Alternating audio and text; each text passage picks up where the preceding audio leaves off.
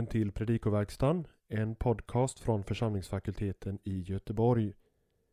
Daniel Johansson går igenom kommande helgdags evangelietext till inspiration och fördjupning för dig som förbereder predikan för helgdagen eller för dig som bara vill veta mer om evangeliets innehåll. Samtliga genomgångar under tre årgångar i evangelieboken finns samlade som en resurs på vår hemsida www.ffg.se. Klicka på resurser. Under resurser finns också filmer, inspelningar, artiklar och annat som kan vara av intresse. Vill du stödja arbetet med podcast eller med resurser för allmänheten gå in på hemsidan och hitta sätt som passar just dig och din gåva. Men nu Daniel Johansson, god lyssning. Första årgångens evangelium för fjortonde söndagen efter trefaldighet utgörs av tre versar från Jesu översteprästliga förbön som vi finner i Johannes 17, nämligen verserna 9 till och med 11. Vi kommenterar först den grekiska grundtexten och vi börjar i den nionde versen. Där kan vi lägga märke till verbet erotao, fråga b. Det är det verb som används om Jesu egen bön i Johannes evangeliet medan verbet aiteo brukar användas om lärjungarnas bön. Den här distinktionen kan man se i 1626. Orden perihon i satsen alla perihon dedokas moi är egentligen en förkortning för peritoton hos och deras vägna som eller för dem som. Men relativpronomenet hos i ackusativ har genom attraktion till korrelatet totån blivit genitiv hån och sedan har korrelatet fallit bort. Därav konstruktionen perihon. I strikt mening betyder det angående som, men vi översätter mot bakgrund av den här förklaringen och deras vägna som du har givit mig eller för dem som du har givit mig. I vers 10, eh, det avslutande prepositionsuttrycket en autois. Det kan antingen visa på plats i dem eller är det instrumentalt genom dem. Det personliga pronomenet står antingen i neutrum pluralis och refererar i så fall tillbaka till taema panta, allt mitt. Eller är det maskulinum pluralis och åsyftar lärjungarna i vers 9. I det senare fallet fungerar första delen av vers 10 som en parentes. De svenska översättningarna har genom dem och det, den är väl tvetydig. Det finns en liten skillnad mellan hur Bibel 2000 och Folkbibeln översätter det dox asmai, verbet. Bibel 2000 översätter till svensk perfekt, jag har förhärligats, medan Folkbibeln tar fram perfektens aspekt som innebär att ett, eh, innebär att ett tillstånd eh, som inträde förblir. Och därför översätter man i presens jag är förhärligad. Och så den sista versen 11. Det andra av de tre kaj som finns där är adversativt och man måste översätta det med men. Men de är kvar i världen. Pater Hagie, helige fader, står i vokativ och det här uttrycket som kombinerar den gudomliga egenskap som uttrycker Guds upphöjdhet, åtskildhet och majestät Eh, med det uttryck som är karaktäristiskt för Jesu förhållande till Gud. Eh, detta uttryck saknar helt parallell i Bibeln. Gud eh, tilltalas helig i en del judiska böner. Det här kan man hitta belägg för i andra Makabeboken 1436 och tredje Makabeboken 2.2. Men kombinationen eh, som sagt av helig och fader saknas. Men det får snabbt en plats i den kristna liturgin. Till exempel i Didache 10.2 stöter man på det. Eh, Bibel 2000 och folkbibeln skiljer sig i hur man översätter sen det som följer på helige fader. Bibel 2000 Bevara dem i ditt namn, det som du har givit mig. Folkbibeln Bevara i ditt namn dem som, dem som du har givit mig. Orsaken till denna skillnad är att man följer olika läsarter. Bibel 2000 följer Näslalan 2728 som trycker relativpronomenet H, dativ singularis neutrum och som syftar tillbaka på namnet medan folkbibeln följer en texttradition där relativpronomenet står i ackusativ pluralis maskulinum och som då måste syfta tillbaka på dem, det vill säga lärjungarna. Förutom det faktum att dativ singularis är mycket bättre belagt i tidigare handskrifter så kan plural, pluralis ackusativ varianten förklaras som en harmoniering till verserna 2, 6 och 9 som alla talar om hur lärjungarna av Gud givits till Jesus. Folkbibeln 2015 har här korrigerat och översätter Bevara dem i ditt namn som du har gett mig. Prepositionsuttrycket en to onomatiso kan tas instrumentalt i betydelsen genom ditt namn eller lokalt i ditt namn. De flesta tar det i den senare betydelsen och argumenterar för att betydelsen är något i stil med bevara dem i trofasthet till det jag uppenbarat om dig. Men varför välja? Det är fullt möjligt att båda aspekterna avses även om det inte går att återge i svensk översättning.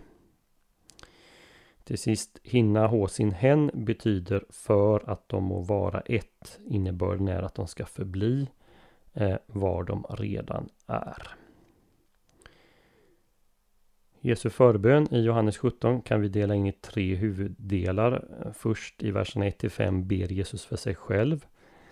Från och med 6 till och med 19 för sina dåvarande lärjungar och eh, i 20-26 för senare generationer troende. Vårt textavsnitt kommer från den andra delen, bönen för lärjungarna som då var samlade kring Jesus. Man skulle kunna dela in våra tre verser på följande sätt. Först Jesus ber för sina lärjungar i vers 9.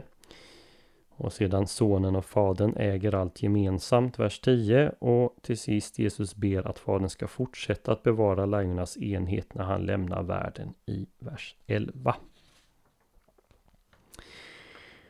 Om eh, Gud älskar världen så mycket att han utgivit sin enda son eller om Gud vill att alla människor ska bli frälsta, varför ber då Jesus bara för lärjungarna och inte för världen också? Eh, som han ber i vers 9.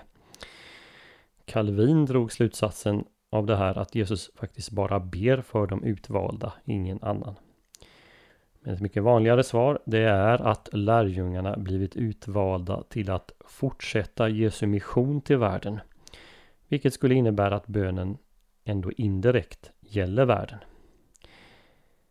Men om man ser till det fortsatta innehållet i Jesu bön, till exempel det om enheten och det som sedan följer efter vår text, förstår man att det är omöjligt att just den bönen skulle kunna bes för världen. För det skulle innebära att världen skulle fortsätta att vara vad den är, upprorisk, fortsätta att vara värd.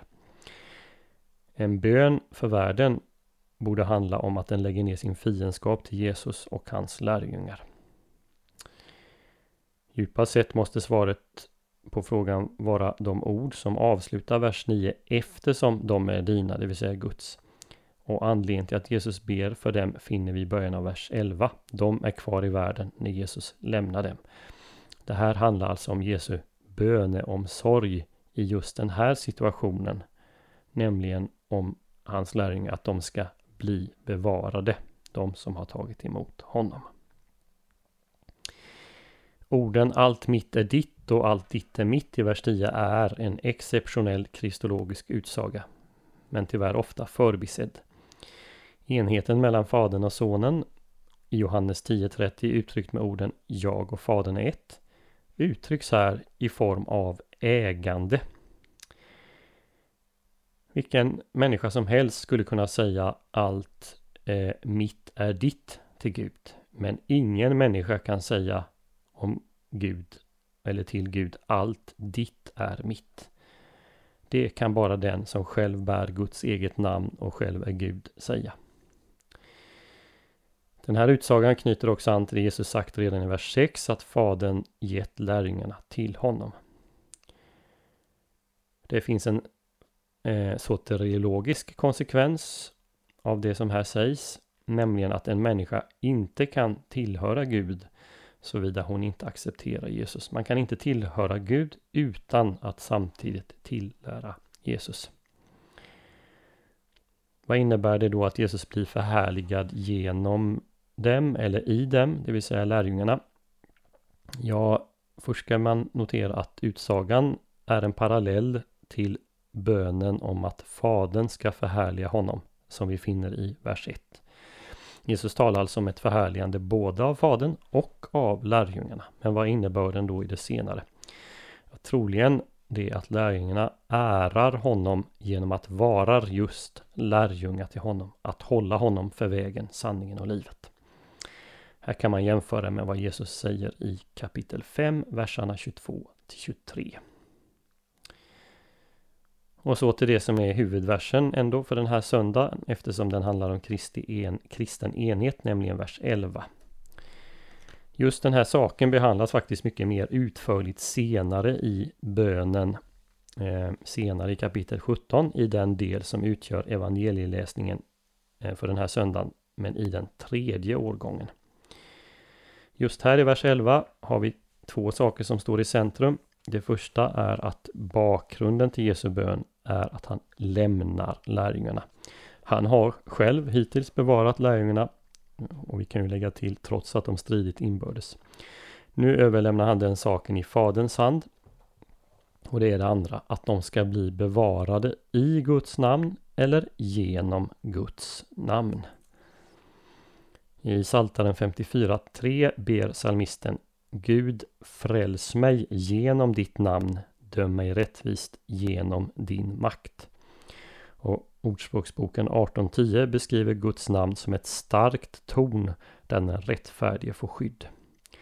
Och inte minst ska vi lägga märke till att i den aronitiska välsignelsen läggs Guds namn på Israels barn. Det är så det står i fjärde Mosebok 6.27.